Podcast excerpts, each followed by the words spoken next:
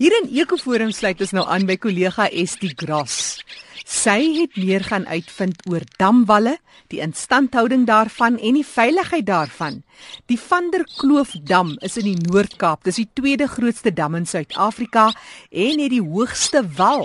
Estie gesels nou met Abri Kutse, die waarnemende skema bestuurder van die Vanderkloof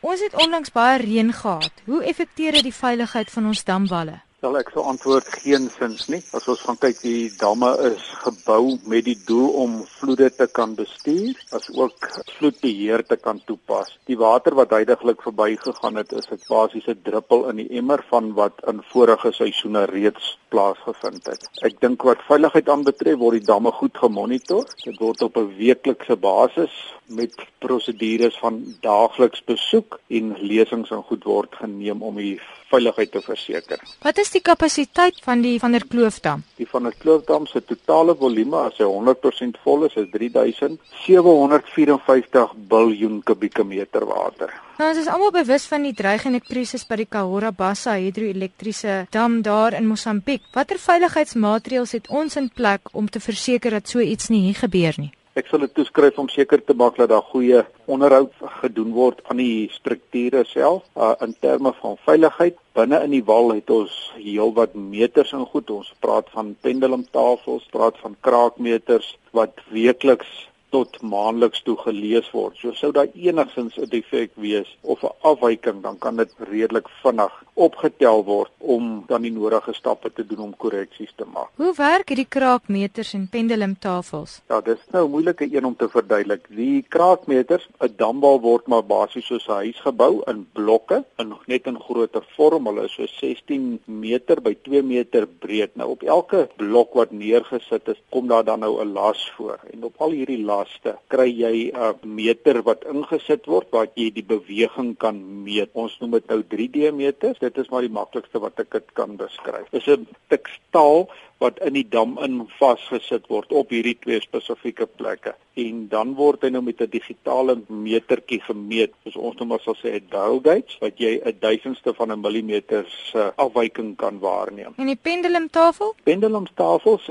dis iets wat ons maar omtrent ons voorouers geleer het. Dit is anders sou sommer sê dis dood eenvoudig geskietlood. Dit is 'n staalkabel wat van die hoogste punt af tot op die laagste punt beweeg word en aan die onderkant is dit in 'n oliebasis. Is daar enige nuwe tegnologie wat jy gebruik? Ja, ons is op hierdie stadium besig. Ons het 'n 3 jaar termynbeplanning wat ons dit als outomatiseer met die tegnologie waar ons nou soos ek gesê het van eenmal 'n week tot eenmal 'n maand te stel lesings kry. As ons vla is, gaan ons elke 15 minute 'n stel lesings kan kry. Neem julle kontrole toe tydens die seisoen van reën? Nee, dit is standaard. Dit moet elke dag gedoen word van elke dag na elke week toe. Dit is nie dat kom ons soos of daar nou hoë vloeie of lae vloeie is. Die dam se veiligheid en sekuriteit is ons ewe belangrik, want as 'n dam leeg is, het jy net soveel risiko's, want dan is daar meer beweging in 'n dambal. Hoe so?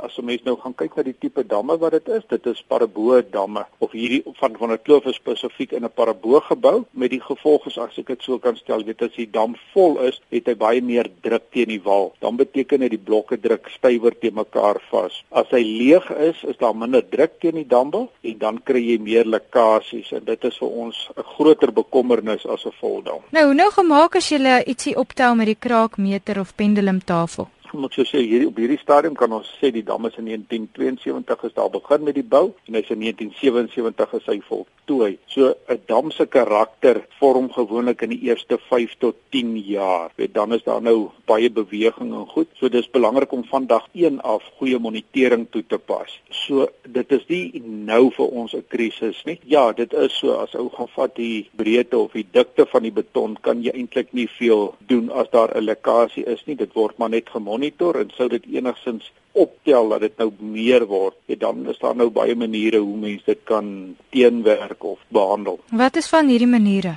Die maklikste manier is gewoonlik as ou die lek kan bepaal waar dit is, dan maak 'n mens gebruik van duikers en dan kan ons sê dan dit hulle 'n seelmiddel aan die buitekant of aan die binnekant van die water in wat dan nou weer indruk in die krake in om dit dan nou te seël. Aubrey het iets baie interessant gesê van 'n dam se karakter wat in die eerste paar jaar vasgestel word. Verduidelik bietjie. Onthou net nadat 'n dam gebou is, weet jy dit 'n hoë betonwal, daar is geen water in goed nie. Ek wil nou verwys so 'n paar jaar terug byvoorbeeld na die Katsiedam toe toe hy begin volgemaak word. Toe is daar baie druk teen die wal. Dan dan sien jy nou op die kant, jy weet daar's nou krake wat vorm want hy kry druk. Jy weet alles word nou onder druk gesit en dit is dan waar jy sy karaktertrekke waarneem. Ek kan nou byvoorbeeld noem op hierdie stadium, die van der Kloofdam is in lengte 770 meter lank en op die totale lengte het ons 'n beweging van so 50 mm.